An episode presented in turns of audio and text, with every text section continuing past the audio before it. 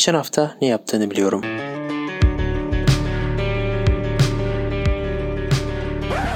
Emre Yasin Yılmaz, Mert Celil Özdin. Arkadaşlar herkese merhabalar.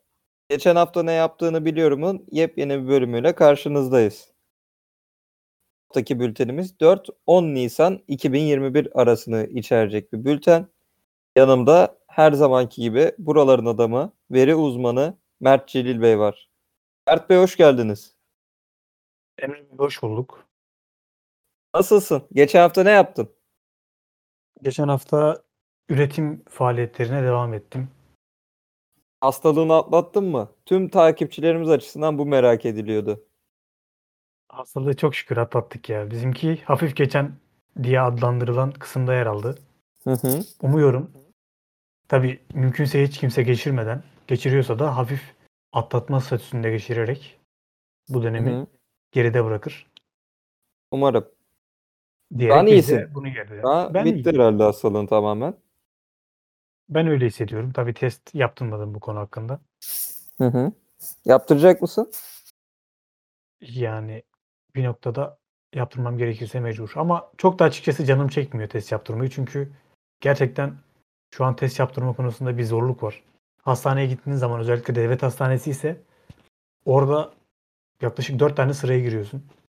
Hı hı. Hani bu sıraların bir tanesinde pes et de evine dön diye herhalde bekliyorlar. Daha fazla sayı artmasın diye. O yüzden zaten hastanelerin ortamı da malum. Yani sıralarda da sosyal mesafe diye bir şey yok. Orada e, normal sağlıklı giden bir insanın da risk taşıdığını düşünüyorum açıkçası o sıralarda da. Tabii böyle konuşmamak lazım. Sonuçta gidilmesi gerekiyor. Şimdi yanlış yönlendirme gibi olmasın. Yani haklısın. Doğru söylüyorsun. Geçmiş olsun diyelim sana da tekrar. Teşekkürler. Ee, yavaş yavaş da bölümümüze başlayalım istersen. 4-10 Nisan 2021 arasını inceleyeceğiz bu hafta. Neler konuşuldu bakacağız. Normalden farklı olarak biraz daha futbolu ben arka plana attım. Her gün genel anlamıyla bir futbol gündemi vardı. Minimum almaya çalıştım. Öyle söyleyeyim. Futbol gündemine. Ee, farklı konular var. Ölüm konuları görüyorum ve görmediğimiz bir konu var. Bunu yeri geldiğinde de söyleyeceğim çünkü beni şaşırttı gördüğüm bir konu. İstersen başlayalım hazırsan sen de. Haydi başlayalım. İyi dinlemeler arkadaşlar. Geçen hafta ne yaptığını biliyorumun yeni bülteni başlıyor.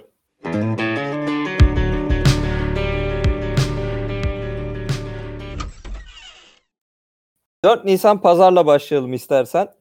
4 Nisan pazarda en çok aranılan konularda Beşiktaş birinci sıraya almış. 1,5 milyondan fazla aranmış Beşiktaş. Neden aranmış?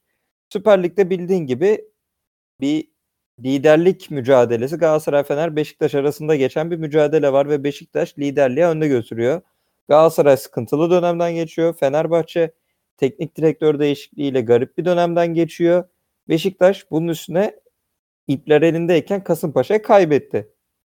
Geçtiğimiz hafta pazar günü. Şu bunu çektiğimiz dakikalarda biraz önce neredeyse Erzurum'u yendiler. Liderlik koltuğunu perçinlediler. Hani bu haftanın sonuçlarıyla birlikte ama geçen hafta kaybetmişti ve rakiplerinden hani Galatasaray'ın puan kaybının üstüne Fener puan kazanmıştı. Fener bir nefesini hissettirerek Beşiktaş'a gelmişti. Beşiktaş da kaybedince sıkıntı yaşamışlardı ama sonrasında Beşiktaş toparladı bu durumu. Ama Beşiktaş Kasımpaşa mücadelesi üstünden konuşacak olursak çünkü bu en çok aranmış. Kasımpaşa Beşiktaş'ı 1-0 yendi. Aytaç Kara attı golü. Bu şekilde bir maç oldu. İzledin mi? İzlemedim. Benim de bilmediğim üzere Süper Lig'de bir mücadele devam ediyor. Bu konuda Hı da söyleyeceğim şey Beşiktaş'a veda sezonları yarıyor. Fepe, feda sezonları evet. Feda. Feda. Bilmeyenler için feda sezonları böyle çeşitli fedakarlıkların hem kulüp bazında hem taraftar bazında istendiği geleneksel Beşiktaş e, dayanışma günleri sezonları olarak niteleyebiliriz. Evet, doğru söylüyorsun ama Beşiktaş sonraki sonuçlara da bakacak olursak liderliği perçinledi. Şampiyonluğa en yakın takım konumunda. Ben de tebrik ediyorum Sergen'i. Galatasaray kendi elleriyle verdi resmen. Sergen Yalçın. Geçelim istersen bu vasat konuyu. Evet. Vasat konu değil. Tamam. Şöyle devam edecek olursak günün en çok aranan ikinci konusu 104 amiralin bildirisi olmuş. Bu bazı kaynaklarda 103, bazı kaynaklarda 104 olarak yer alıyor. Ben 104 olarak yazdım. Senin bir bilgi var mı öncelikle bu konuda? Ben de aynı 104-103 olarak iki farklı sayı duydum. Bir de Aha. 4 Nisan ve 6 Nisan tarihleri bununla alakalı o şeye çıkıyor. Gündeme geldi baya hafta içi özellikle. Çünkü Hı hı. bildirinin altında 6 Nisan yazdığı ama 4 Nisan'da birdenbire basına servis edildiği, belli bir bakanın da bundan haberi olduğu, çeşitli hı. eklemeler, çıkarmalar yapıldığı gibi iddialar gündeme geldi. Ve şimdi bu bildiriler ışığında da maalesef 10 amirale soruşturma açıldı. Onların işte gözaltı süreleri uzatıldı. Ya evet sonra. şöyle diyelim bilmeyenler açısından da şöyle bir özet geçeyim. 104 e, amiral bir bildiri yayınlıyor gece yarısı. Bu bildiri Montreux ve Kanal İstanbul başlıklı e, yapılan bildiri. E, bu hani Montreux ve Montreux'un korunması gerektiği ve Kanal İstanbul'un yapılmaması gerektiğini e, bildiriyor bu amiraller. Ortak bildirisi. Hükümet tarafından bu bildiri darbe metni olarak e, algılanıyor. Hükümetler çok büyük bir tepki var. Muhalefet tarafından düşünce özgürlüğü tepkisi var. Bu düşünce özgürlüğüdür. Bunları nasıl gözaltına alırsınız? Soruşturma açarsınız bu amirallere. Türkiye'nin hani askeri olarak vatanını seven insanlarına bunları nasıl yaparsınız diyenler var. Konu bu. Ya vatanını seven insanlara ne ma ne tip e, ne derler bunun adına muamele yapıldığını çok defa gördük maalesef Türkiye'de. O yüzden bu da maalesef onlardan bir tanesi olarak yine gündeme geldi. Ve daha taze kuzeyimizde Rusya-Ukrayna arasındaki gerginlik, Amerika'nın Karadeniz'e savaş denizaltıları, gemileri göndermesi gündemdeyken olması da tabii akılları karıştıran başka bir konu. Yani amiral dediğimiz şey gerçekten bu kara Yani- kuvvetlerindeki generalin eşleniği yani bu insanlar üst düzey komutanlar ve emekliler zaten kendileri. Ve şimdi ben şeyi anlamıyorum bu zevzeklik olarak nitelendiren bazı siyasiler de oldu. Ona destekleyenler de oldu. Karşı çıkanlar da oldu.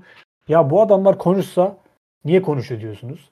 Konuşmasa niye konuşmuyor? Niye kimse konuşmuyor? Niye ses çıkarmıyor diyorsunuz.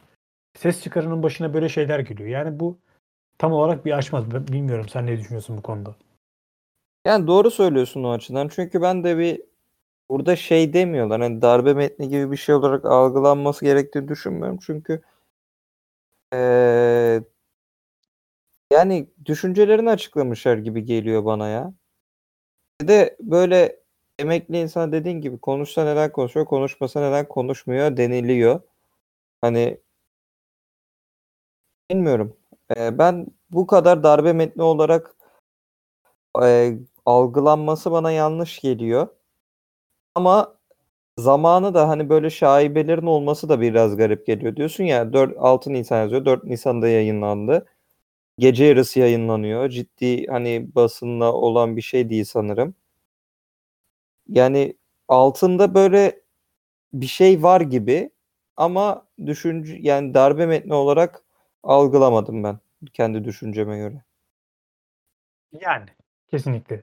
Yani darbe olarak yapmak istesen bunu bu kadar bariz mi yaparsın? Hele ki hı. böyle bir güç, böyle bir iktidarda böyle bir güç varken. Evet, evet. Yani öyle doğru söylüyorsun. Bu güce sadece bir yazılı düşünce açıklamasıyla darbe metni yapamazsın. Zaten yapsan da anlamsız olur diye düşünüyorum. Bilmiyorum. Maalesef Geçelim. böyle bir gündem yaşadık. Evet geçelim. 5 Nisan Pazartesi. 5 Nisan Pazartesi Sadri Alışık aranmış 2 milyondan fazla. Günün en çok aranan konusu. Neden aranmış? Sadri Alışık usta oyuncu 96. doğum gününde e, arama motoru Google'da Doodle yapmış. Bu Doodle nedeniyle de insanların e, bu oyuncumuza karşı aramaları olmuş. E, 1925 yılının 5 Nisan'ı doğmuş Sadri Alışık. 1995 18 Mart'ta da vefat etmiş ve hala saygı ve özlemle anılmaya devam ediyor kendisi. Yaşamı boyunca 200'ü aşkın e, filmde rol aldı kendisi. Özellikle turist Ömer tiplemesiyle de tanınıyor çoğu insan tarafından. Ama Afacan Küçük Serseri'deki rolüyle 1971 Antalya Altın Portakal Film Festivali'nde en iyi yardımcı erkek oyuncu. Yengeç Sepeti filmindeki rolüyle de Mehmet Aslantu ile beraber 94 Antalya Altın Portakal Film Festivali'nde en iyi erkek oyuncu ödülünü kazanmış kendisi. Şaka gibi yani 200'ü aşkın film ne demek? 200'ü aşkın film ya bu bayağı büyük bir sayı. Ciddi bir sayı. Kendisi de 70 yıla yakın yaşamış. Yani dolu dolu yaşamış. Dolu dolu filmlerle doldurulmuş bir yaşam olarak görüyoruz. Değil mi? Yani ne zaman 20 yaşında başlasa şeye oyunculuğa yani 30 yılda e, pardon şey 50 yılda 70 yaşında vefat etmiş. 50 yılda yılda 4 film falan çekmiş. Yani şaka gibi derler ya gerçekten şaka gibi. Kendisi de çok naif naif bir karakter zaten yani. Bir filmde olduğu zaman ben buradayım diyen Kemal Sunal vari, Şener Şen vari bir oyuncu. Evet. Ve onlardan Kendi daha önce oynamış bir film, oyuncu. film izlettirir yani sırf bu kişi yüzünden. Yani kesinlikle kaldı mı böyle şu an karakterler? Aklına biri geliyor mu? Bence var ya film izlettirecek karakter. Yani Türk karakter olarak. Türk karakter. Haluk Bilginer geliyor. Şener Şen geliyor aklıma şu an. Ben izlerim ikisinde olduğunu mesela. Yani Haluk Bilginer evet özellikle yurt dışında da bayağı sükse yaptı. Hı hı. Şener Şen zaten tart konuşmaya bile gerek yok. Evet. Devam İki edecek olursak efendim? İyi ki varlar. Yani böyle Evet. E, iyi ki varlar. olarak. Allah rahmet eylesin ne diyelim. Öyle kapatalım. Sadece alışı. Devam edecek olursak işte günün ikinci en çok aranan konusu 100 binden fazla aranan BitTorrent coin aranmış. Zaten biz bunu daha önce çok konuştuk ve günden güne de Türkiye'de yayılmaya devam ediyor kripto para piyasaları. Yolda gitsen kripto para konuşuyor. Otobüste duyarsın. Kahveye gidilse kahveye gidilmiyor da hani kahvede konuşulacak kıvama geldi hani. Artık insanlar bu dolar ne kadar arttı diyeceğine bu Bitcoin ne kadar arttı cümleleri görüyoruz. Kripto para çok Türkiye gündemine girdi. Hatta vergi getirileceği konuştu. BitTorrent Coin de bunlardan biriydi. Bu kripto para piyasasının altcoin'lerinden biri. %86 oranında değerini arttırmış bu hafta. O yüzden çok aranmış. İnsanlar herhalde bu değerini arttıran coin'leri araştırıyor ve onlara paralarını yatırıyor. Ee, bu nedenle aranmış BitTorrent Coin. Bir düşüncen var mı? BitTorrent Coin bu malum ortamlardan bir tanesi değil miydi? BitTorrent daha doğrusu. Evet. e, ben bunu önceden görmüştüm. Bu haberden daha önce bir e, rastladığımda torrent programının coin'i o şirketin. Yani torrent bildiğin üzere ücretsiz bir dağıtım ağı. Evet. Bu Evet. malum ortamlar. Orada Hı hı. parasal bir şeyin geçmesi de tabii şaşırttı beni yani. Coin Yani. Ama tabii coin'de şey önemli değil. Bir hizmet veya bir mal alma verme durumu yok. Tamamen hype'lama dediğimiz böyle bir şeyin Yok değerinin şöyle aslında bu şirketlerin yaptığı hizmetler falan öne çıkıyor bazen. Yatırımcılar onlara bakıp da yatırım yapabiliyor. Ee, mesela sallıyorum siber güvenlik alanında olan bir coin var. O şirketin coin'i. Coin çıkarmış siber güvenlik şirketi. Siber güvenlik e, alanına yaptıkları yatırımlar nedeniyle insanlar bu coin'leri alıyor mesela ileride daha gelişeceğini düşündüğü için. Ama BitTorrent coin'in böyle bir hikayesi nasıl var bilmiyorum. Ya bana mesela bu anlattığın şey gibi geldi. Ee, şahsından ben parayı elden aldım diye peçeteye atılan imza vardı ya bir tane. Saatin parası kendisinden tahsil edilmiştir. Yani sonradan çok Hı hı. sonradan kitabını uydurmak için bu işi yapılan. Yani gibi. olabilir.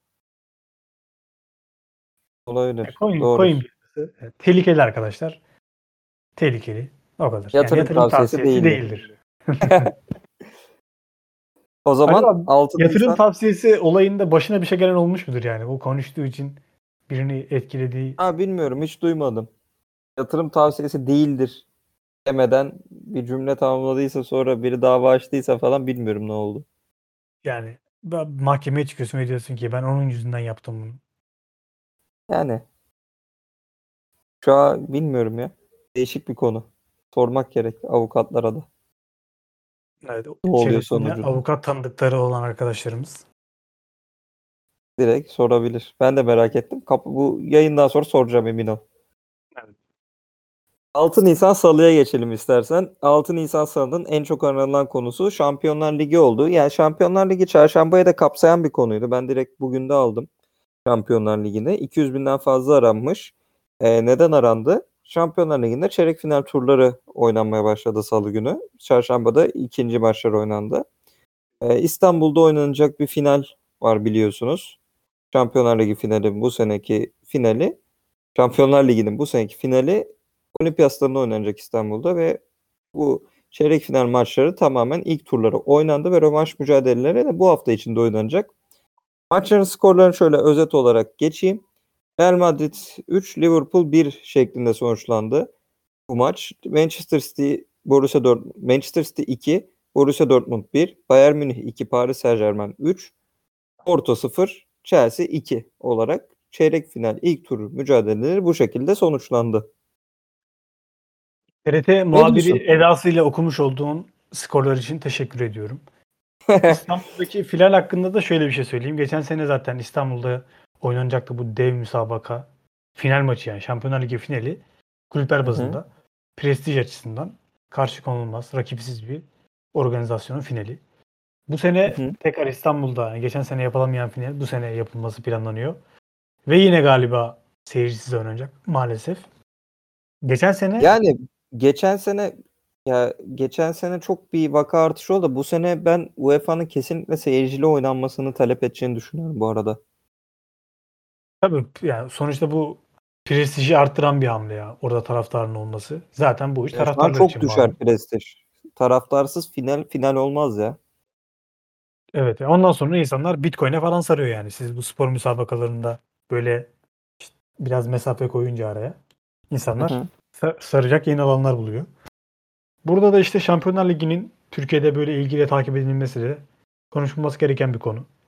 Yani Türkiye gündeminde kendine yer bulabilmiş. Hı hı. Şampiyonlar Şampiyonlar Ligi iyi ki var. Evet bu Açıkçası. senin konuların. Basat diyordun daha demin ligimize. Senin alanındayız. Ben buradaki iki maçı izledim. Bayern Münih Paris. Hele Bayern Münih Paris maçı yani durmayan bir maç Evet. gerçekten. Evet 90 ben de dakika izledim. boyunca 90 dakika boyunca iki tarafın atak yaptı ya. Futbol dediğin şey bu. Oynanması gereken oyun bu. Tamam Manchester City. Borussia Dortmund maçını da izledim. Ama hani o City Dortmund maçı mesela nispeten daha yavaştı Bayern Münih Paris maçına göre. Yani Münih Paris maçında kar yağıyordu bildiğin sahada. Şartlar Evet. biraz daha zordu. Ve Nisan ayında Kar kar yağıyor. Bence o da Tempodan bir konu. eridi. Tempodan erittiler ka- karı. Yani Türkiye Ligi'nde muhtemelen maçın ikinci yarısında acaba oynanacak mı tartışması yaşanırdı. O kadar ağır, o kadar sahada basılmamış yer olacağı için. Ama burada yani adam canını dişine takarak oynamak dediğimiz kavram gözümüzün önündeydi. Gerçekten tavsiye ediyorum Şampiyonlar Ligi'nin izlenmesini. Türkiye Ligi'ndense zaten Şampiyonlar Ligi'ni kesinlikle tavsiye ediyorum. Bir de Euroleague var gözümüzün nuru. Yani arkadaşlar kabul Avrupa edelim. liglerinin- Avrupalılar bu işi evet yapıyor. Avrupa liglerinin hastası Mert Bey. Kalitenin Ee, hastasıyız. Vasatlıktan uzağız. Peki. ne diyeyim? Bu haftaki maçlarla umarım daha heyecanlı maçlar görürüz. Şampiyonlar Ligi'nde de. Devam ediyorum. Ee, günün en çok aranılan ikinci konusu Canan Ergüder olmuş. Canan Ergüder e, başarılı bir aktrist. Dizilerde, filmlerde tanıdığımız şu an Star TV'de yayınlanan Menajerimi Ara dizisinde Feris karakterini canlandırıyormuş kendisi zaten. Ben bunu bilmiyordum ama e, o şekilde oynuyormuş. Kendisi meme kanserine yakalanmış ve Instagram hesabından yaptığı bir açıklamada bunu belirtmiş ve diziden ayrıldı, ayrılacağını açıklamış. Son 3 bölümüymüş sanırım. Ve tedavisine başlayacakmış. Bir de çok tedavisi için motive olduğunu belirtip iyileşmeye tam olarak inandığını söylemiş. Kendisini ben Behzat Ç'den hatırlıyorum. Behzat'ın acısıydı kendisi ve çok sevdiğim bir karakterdi. Geçmiş olsun diliyorum buradan. Evet ya o özellikle Besatçı'ya konusu bence yani. Menajerim ara tamam. Çok trend bir dizi. Çok ilgi gören bir dizi toplum tarafından ama hani Besatçı sosyal tarafı da olan bir diziydi malum. Ve Hı hı. orada bir Cumhuriyet Başsavcısını canlandırıyordu Canan Ergüler. Ve böyle Evet. yani hani o karakteri hakikaten yaşıyordu ve seyirciye çok Savcı. Esra. Ben hala savcı gözüyle bakıyorum kadına. Yani o ciddiyet var Şu an- çünkü kendinde de. Ya, rol hakikaten yakışmıştı kendisine. Evet. Kanser yakış kanser tabii herkes olduğu gibi ona da yakışmadı. umuyoruz yakın zamanda. Umarım yani Atlatır. ben de üzüldüm. Kendine motivesini arttırıp umarım iyileşme süreci de iyi geçer. Başarılı atlatır bu hastalığı. Yanındayız diyelim. 7 Nisan çarşambaya geçelim bu konudan sonra. 7 Nisan çarşambanın en çok aranılan konusu uzun zamandır sana bas bas bağırdığım bu nerede dediğim program. Survivor. Survivor çıktı karşımıza. 100 binden fazla aranmış. Görmüyorduk uzun zamandır kendilerini. Bu sene nerede diyorduk. Ama Survivor konusu ilk defa karşımıza çıkıyor uzun zaman sonra. Ve kimin elendiği çok aranmış. Survivor 2021'e veda eden isim de Doğan olmuş.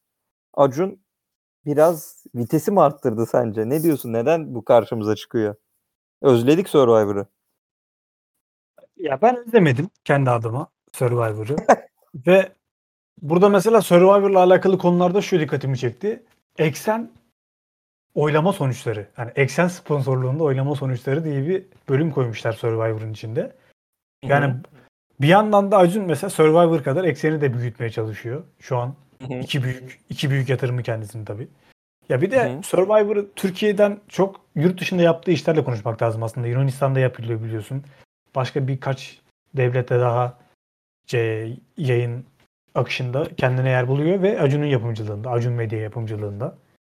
Ya adam bunu, bu formatı dışarıdan bulup üzerine işte eklemeler, çıkarmalar yaparak şu an başka ülkelere satmaya başladı. Evet. bu bir evet. başarıdır. Tamam. Sevmesem de ben programı. Bu bir başarıdır bence. Ve Hı hı. yani bu, bu konuda yiğidi öldür hakkını ver derler yani. Tebrik ediyoruz. Survivor konusunda. Peki uzun zaman sonra görmemiz hakkında ne diyorsun? özlememişim. Yani gördüğüm zaman hiçbir duygu kıpırdamadım. Özlememişim. Ben özledim ya. Survivor nerede diyordum. Her hafta bültende Survivor nerede diyordum.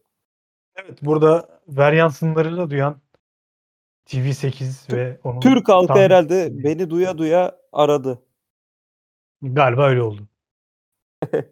Acun'a Başka bir buradan selamlarımızı iletelim. Evet Acun bizi duyuyorsan eğer Ey Acun diye böyle girip Ey Acun her gün her hafta bizi dinliyordur eminim. yani kesin. Devam ediyorum. Ee, günün en çok aranan ikinci konusu vaka sayısı olmuş. Türkiye'deki vaka sayıları 100 binden fazla aranmış. Bildiğin gibi vaka sayıları artmaya devam ediyor. Bu çarşamba günü 49 binlerin artık 50 bini gördüğümüz 49.678'di sanırım. Ee, bir vaka sayısı görmüş Türkiye ve bunun üstüne zaten geçtiğimiz günlerde günler ilerledikçe 50-55 binleri gördü. Türkiye vaka sayıları ve herkes merak ediyor Ramazan ayında kapanma olacak mı? Muhtemelen bunu dinlerken kısa bir süre sonra kısa bir süre içinde dinlerken bu Ramazan konusu belli olacak. Çünkü salı günü Ramazan başlıyor. Pazartesi akşamı sahur olacak ve insanlar merak ediyor. Bu vaka sayılarının dur nerede duracak artımı? Ne olacak? Ne diyorsun? Şimdi Emre ben bu işin içinden gelen biri olarak şimdi söz alıyorum. Maalesef. Böyle Evet. bize bir şey. Tecrübeli, tecrübeli vaka yakalanıcısı. Ya şimdi şaka bir yana tabii burada çok ciddi bir durum var maalesef vaka sayılarında Türkiye'de. Koronavirüse karşı mücadele yani mücadele diyoruz ama bir mücadeleden bahsediliyor gibi tam olarak ne olur belli değil. Şu anda burada vaka sayılarında ve mücadelede maalesef çok aydınlık bir tablo görmüyoruz. Şöyle ki Türkiye'de şu anda bir önlemler konuşuluyor lafta. Fakat bu topluma ne kadar yansıyor tartışılır. Mesela halı sahalarda şu anda saat 9'lara kadar maç oynandığını biliyoruz. Ya resmi olmamasına, yasal olmamasına rağmen göz yumulduğunu, hafta sonu markete çıkma bahanesiyle milletin parklara gittiğini hala maalesef biliyoruz. Ben Ve- sana bir şey diyeyim mi? Hafta sonu hafta içinden daha kalabalık bazı yerler. Ya ben anlayamıyorum gerçekten ve böyle bir dönem geride bırakıyoruz. Mesela şeyleri gördük. Babana söyle de oradan biraz daha para çeksin yeğenim gibi tavırlar maalesef gördük. evet. Ama işte yani şeyden kongrelerden bahsetmek istemiyoruz artık yani bu herkes tarafından bilinen, konuşulan Hı hı. üzerine. Lebalet diye bir kelimeyi Türkçe'ye kazandıran olaylar serisi oldu. Ya burada Ramazan ayında tam kapama beklentisi de aslında spekülasyonlar ardı arkası kesilmiyor. Yok işte AK Parti Genel Merkezi'nde çalışan çaycı genel merkezde çalışan temizlikçi duymuş. Toplantıdan çıkanlardan almış haberi de bilmem kimin nesiymiş. Bir de WhatsApp gruplarına böyle şeyler düştüğü zaman biliyorsun çok hızlı yayılıyor. Tıpkı vakaların yayılma hızı gibi. Ya bu salı gününü bekliyor herkes. Bir yandan da işte bakanlar kurulunda bir revize bekleniyor diyorlar. Ya öyle bir şey var ki şu an bildiğim pazartesi günleri prime time'da yayınlanan bir dizi takip etmek gibi Erdoğan'ın açıklayacağı konuşmalar, Er- Erdoğan'ın konuşması büyük merak uyandırıyor. Yani Evet. Gündemimiz artık o varacak? kadar değişti ki. gerçekten gündemimiz bu oldu ya. Pazartesi günleri ne açıklanacak, ne karar. Her haftalık olarak yaşıyoruz gibi hayatı. Evet. Ya biliyorsun garip zaten ya. şunu da yaşadık. Bir cuma akşamı saat 9 gibi bu gece sokağa çıkma yasağı başlıyor dendi yani. Lupo. Ta- tarihi Lupo gecesi. Evet yani Doğru. o yüzden şimdi insanlar da korkuyor haliyle. Haklılar da. Çünkü yani ne, ne olacağı belli değil. Öyle bindik bir alamete gidiyoruz. Kıyamete diyor ya Cem Karaca. Hı hı. O durumda yaşıyormuşuz gibi. Yani haklısın. Umarım yapıcı çözümler olur. Aa, kısa zamanda artık kendimize de gelmeye başlarız. Biraz normal. Çok sıkıldık çünkü. Çok sıkıldı. İnsan psikolojisi bitti. Ben çok sıkıldım en azından. Gerçekten bu insanlara da evet çok kötü yansıyor ve bu dönemde yetişen çocukları sen düşün. Gerçekten hayatın Evet. mesela geçen sene doğan bir bebeği düşün. Hayatın sadece evde oturup televizyon izlemekten ibaret olduğunu falan zannediyor olabilir. Çünkü sokaktan ve yaşamdan o kadar uzak. E, Düşünsene Doğru. bu yani çocuklar hani dışarı çıkmak normalde hani kapıya koşarsın falan öyle bir yaklaşım yok artık çocuk bebeklerde özellikle. Ya onlar televizyonun karşısında öyle bir dikildiler tabletin başına öyle bir çakıldılar ki şu anda hani dünyadan uzaklar. Bu insanlar Evet biraz ileride daha geleceğini olacaklar. de etkileyecek bunların. Bir iki senelik bir etkisi olmayacak bu çocuklara. Evet bunların toparlanması ya çok karmış gerçekten. Hepimizin Allah yardımcısı olsun. Evet. Devam ediyorum o zaman. Sana da uygunsa 8 Nisan Perşembe'ye geçelim. 8 Nisan Perşembe'nin en çok aranan konusu Burcu Biricik olmuş. Burcu Biricik bildiğimiz gibi sevilen bir aktris kendisi. Ee, ekranlara geri dönmüş. Camdaki Kız adlı diziyle Kanal D'de yayınlanmış. Kendisinin çok zayıfladığı öne çıkmış dizide ve güzelliğiyle çok konuşulmuş ve oynadığı oyunculuk da e, çok beğenilmiş kendisinin. E, ben de çok az izledim diziyi, çok az baktım. İki aileyi ele alıyor. Bir Burcu Biricik'in oynadığı aile, bir de başka bir erkek karakter. Bunların bir yerde yolu kesişip evlenme arifesine giriyorlar ama bunların aileleri bu çocukları çok psikolojik baskı üstüne büyütmüşler. Onu biraz anlatıyor. Çok değişik bir aile yapıları var ve anne babadan gördükleri baskı garip. e, yaşayışları garip. Onu anlatıyordu. İzledin mi sen? İzlemedim de şimdi sen bu psikolojik aile baskısı ve iki gençten bahsedince aklıma TRT'nin Fenomen dizisi geldi. Masum Masumlar Apartmanı'ydı sanırım adı.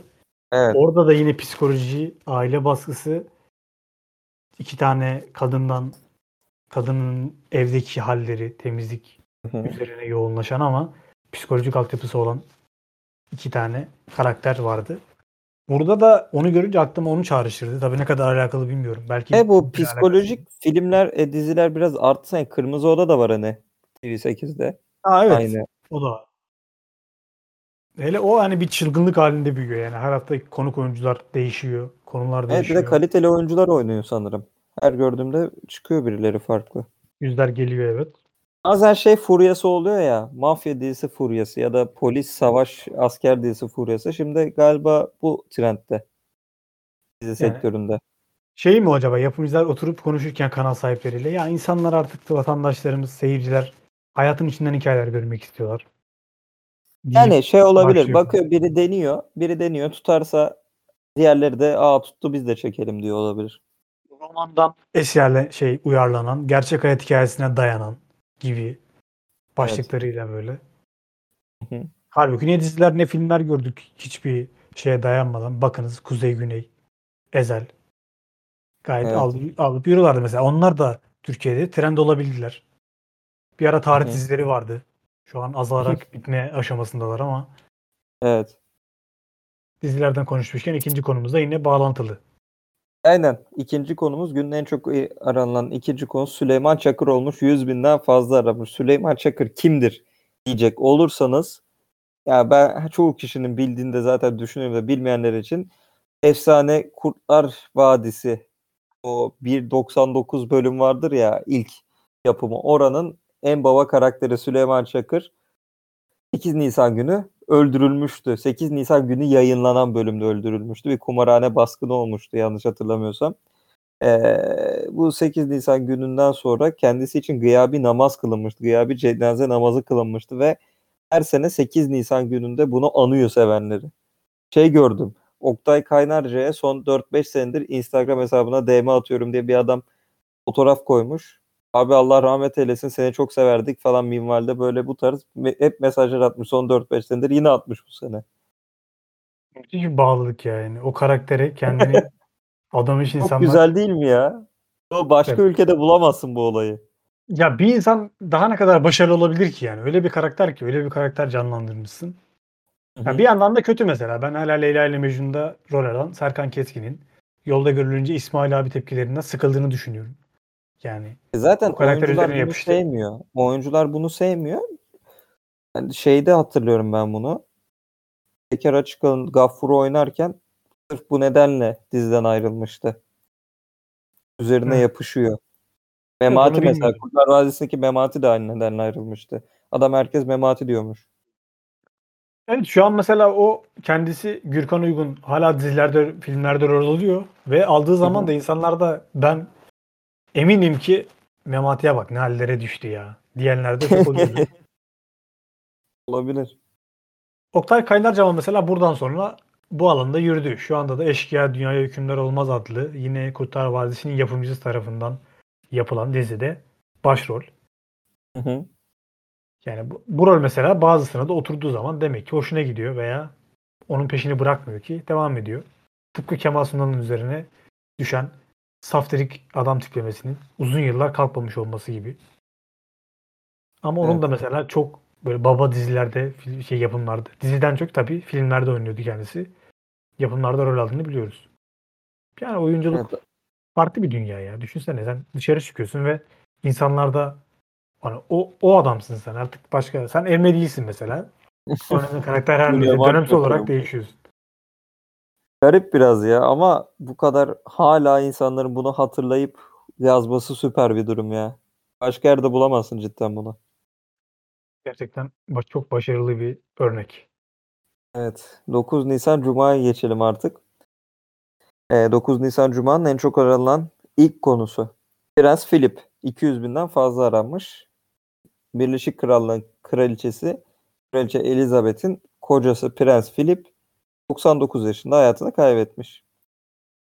Ee, Buckingham Sarayı'ndan yapılan açıklamada şöyle duyurulmuş Prens Philip'in ölümü. Majesteleri bu sabah Windsor Kalesi'nde huzur içinde vefat etti denmiş.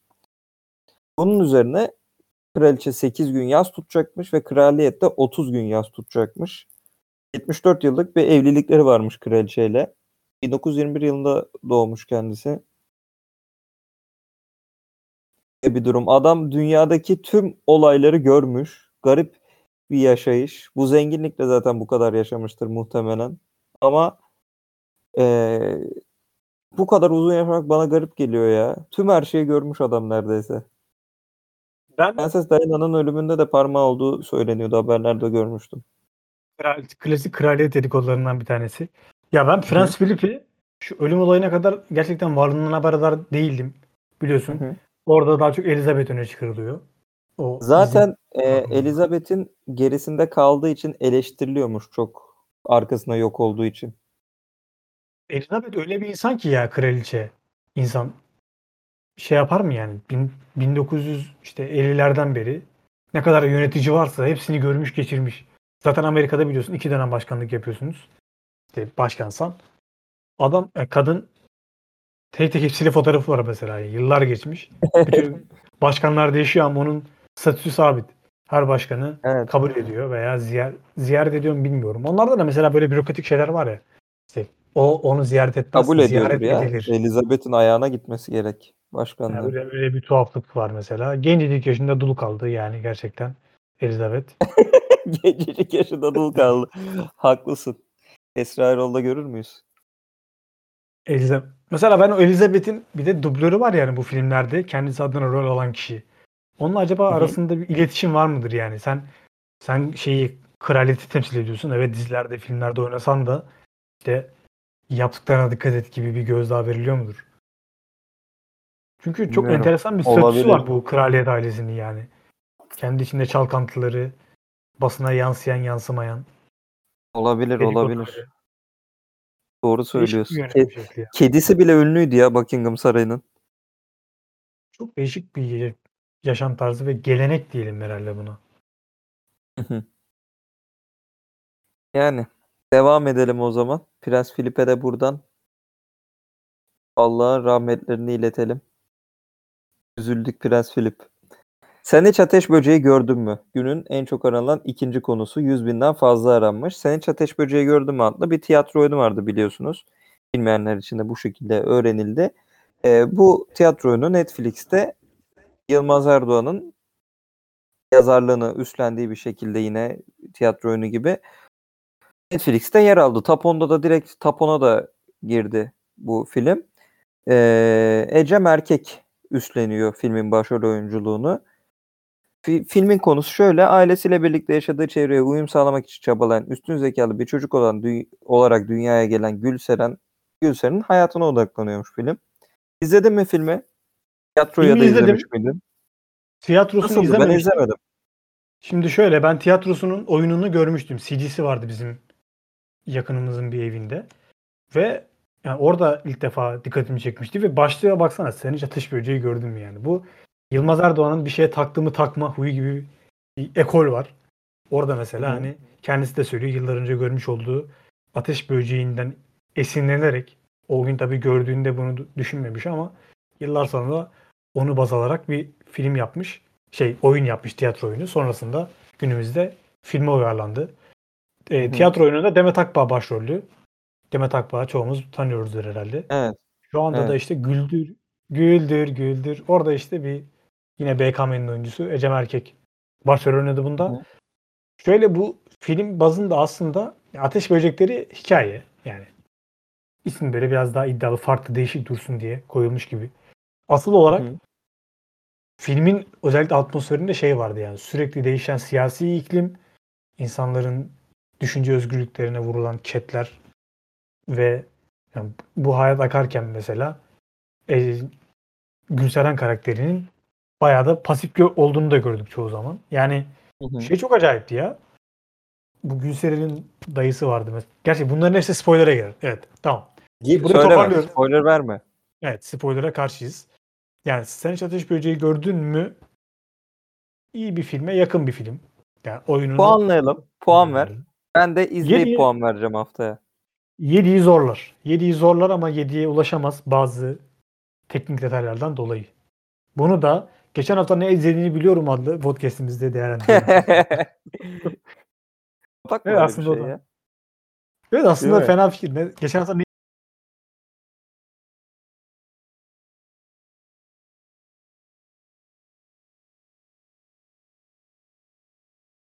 izlediğini biliyorum. son gününe. Netflix Günün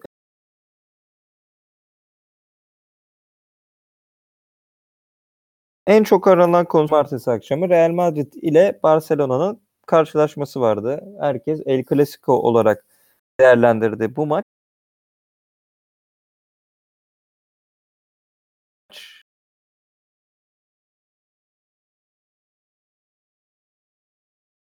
Bizim odak takımsal sıkıntılar hem Messi'nin karşısında bir Ronaldo olmaması nedeniyle belki de kaybetti bu prestiji.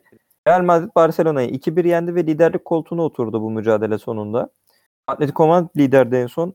Valla Real geçmiş bunları. Karim Benzema ve Toni Kroos atmış Madrid'in gollerini.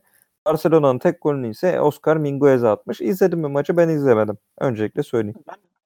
Ben izleyemedim. Yani bu maalesef Türkiye'deki yayıncı kuruluşu bu müsabakanın internet anlamında. Yani toplamda yılda muhtemelen iki defa zorlanıyordur teknik açıdan. İkisi de Real Madrid Barcelona maçıdır. Biri deplasmandaki, biri kendi evindeki maçta işte. Yani bunu Hı. yayınlayamayacak kadar, bunun yayınlanması gününde sıkıntılar yaşayacak kadar kötü bir yönetime sahipler maalesef. Yani dün rezaletti ya. Bir türlü yayına ulaşamıyorsun, girmeye çalışıyorsun, bir sürü hata geliyor. Maalesef evde artık şey, e, bu dekoder dediğimiz uydu alıcılarının kalktığı De- dönemlerdeyiz. D Smart'tan mı yayınlandı bu? E, D-Smart bunun İspanya Ligi'nin yayıncısı. S Sport'la ortaklıkları var şimdi. Maalesef S Sport üyeliğim olmadığı için D-Smart'a ulaşabiliyordum. Ama D-Smart'a da ulaşamadım. Yani dediğim gibi yılda iki tane maç yayınlıyorsun zaten böyle adam akıllı. Real Madrid, Hı hı. Barcelona maçı ikisi de. Ya bunlara çok Evet. iyi hazırlanman lazım. Yani kabul edilemez ya. Bu yayıncıysan mesela bu sorumluluğun var yani. Dün sana belki sırf bunun için üye olan insanlar var.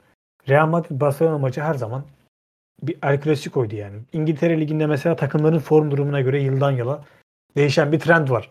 Bazı yıl Arsenal Tottenham maçı mesela öne çıkıyor. Bazı yıl Chelsea Manchester United. Son yıllarda City United maçları çıkıyordu. United kötüleşti falan. Ama mesela bu akışta Madrid Barcelona ölüsü bile dünyanın en büyük maçlarından bir tanesi.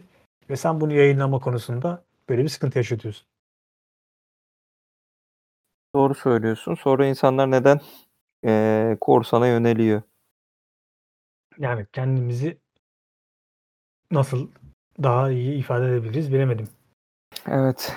Bu şekilde hani İspanya futbolda bu şekilde gidiyor diye gördük en azından. Bir hatırlatmış oldu gündeme İspanya'da lider kim derken.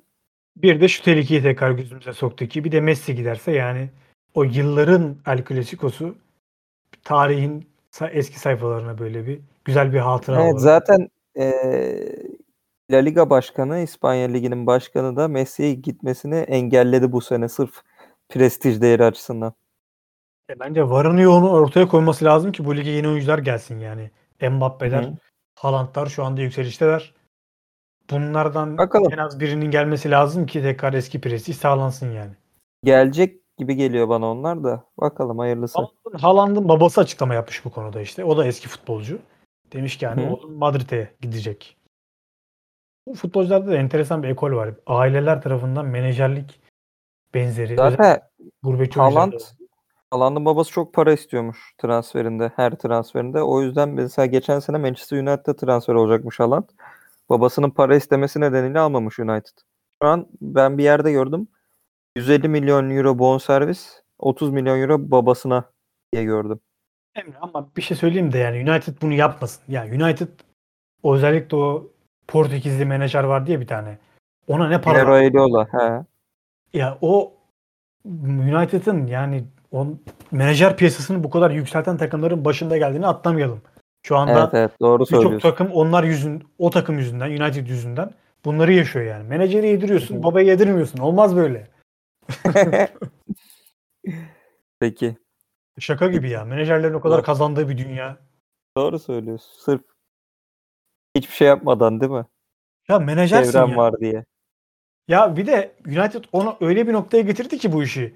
Bir ara bonservisten çok menajer parası ödemeye başladı yani. Evet öyle duruyor. Zaten Türk piyasasında da biraz bu var. Menajer nedeniyle Galatasaray da çok transfer yapıyor ve görüyor sonuçlarını. Ama eden bulur gibi bir şey oldu orada. United bayağı Geçiyorum. kötü dönemler geçiriyor. Günün 10 Nisan Cumartesi'nin en çok aranan ikinci konusu Mehtap Ar. Mehtap Ar vefat etmiş. Ee, uzun süredir akciğer kanseriyle mücadele ediyormuş Mehtap Ar. 64 yaşında vefat etmiş. 4, ay, 4 aydır da yoğun bakımdaymış kendisi.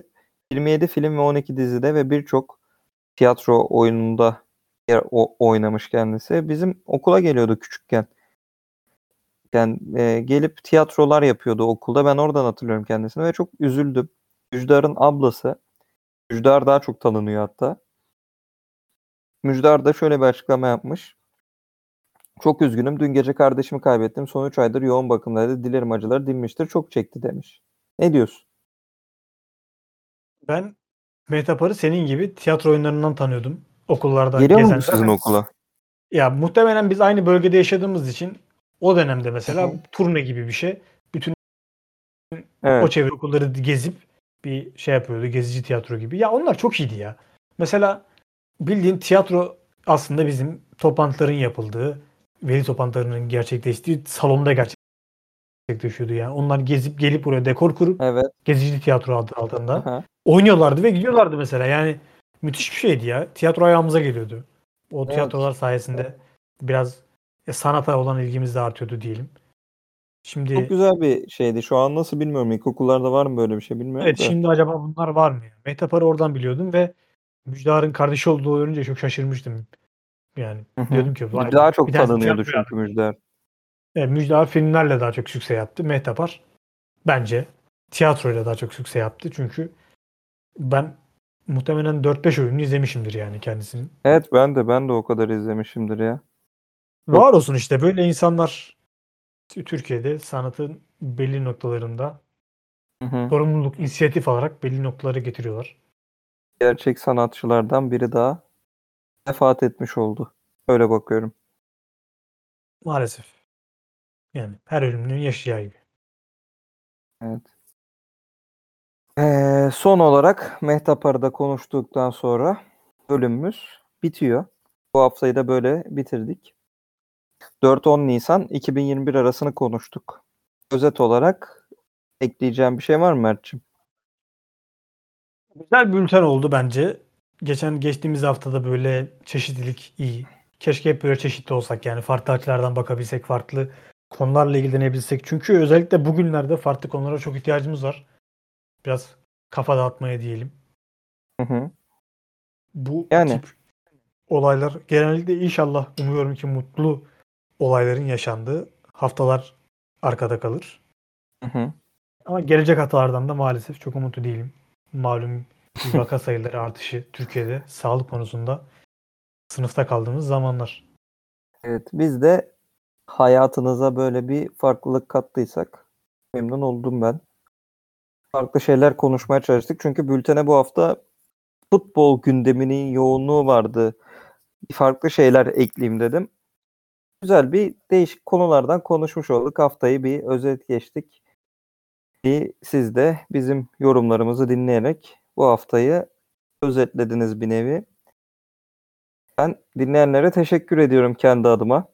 Bir de şu açıdan bak Emre mesela yıllar sonra bu yayına bir yerde denk gelen biri şu zamanlarda ne konuşulduğuna şahit olacak. Biz dahil yani. Biz de mesela şu Evet. anda. Belki de unutacağız. Karşımıza bir yerde çıkınca hate be diyeceğiz. Diyeceğiz ki aa Frans Filip vardı. Süleyman şey işte Evet. bu haftanın. Aa vaka sayıları diye bir şey vardı zamanında diyeceğiz. İnşallah öyle zamanlar gelir ki yani deriz ki o neydi öyle ya korona diye bir şey vardı. Aynen hastalık öyle. zamanları hatırlıyor Ne musun diye. çektik be diyeceğiz belki de. Sen kaça kaç yaptın? Sen kaçıncı dönem? Sen kaçıncı dalgadansın? diye böyle. Hani koronada yeni dalga diyorlar ya sürekli. Birinci dalga, ikinci dalga hastalık, Hı hı. tufanı. Yani umuyoruz bugünlerde geride kalır. Dünya neleri geride bırakmış. Evet. Evet. kimler gelmiş, kimler geçmiş. Güzel bir yayın oldu bence de. Dinleyenlere ben de tekrar teşekkür edeyim. Sana da teşekkür ediyorum. Güzel yorumların için. Ben de sana teşekkür ediyorum. Aynen. Geçen hafta ne yaptığını biliyorumun bu bölümü bitti arkadaşlar. Tekrar dinleyenlerin kulaklarına sağlık. Haftaya görüşmek üzere. Haftaya tekrar aynı gün aynı saatte pazartesi 11'de Aposto bültenimizle birlikte yayınımız Spotify'da, Apple Podcast'te ve Aposto'nun sayfamızda, Aposto sayfamızda yer alacak. Dinlemeye devam edin. Hoşçakalın. Teşekkürler. Daha güzel haftalarda daha güzel olaylarla karşınızda oluruz. Ya bunu çok inanarak söylemesem de hoşçakalın. Hoşçakalın.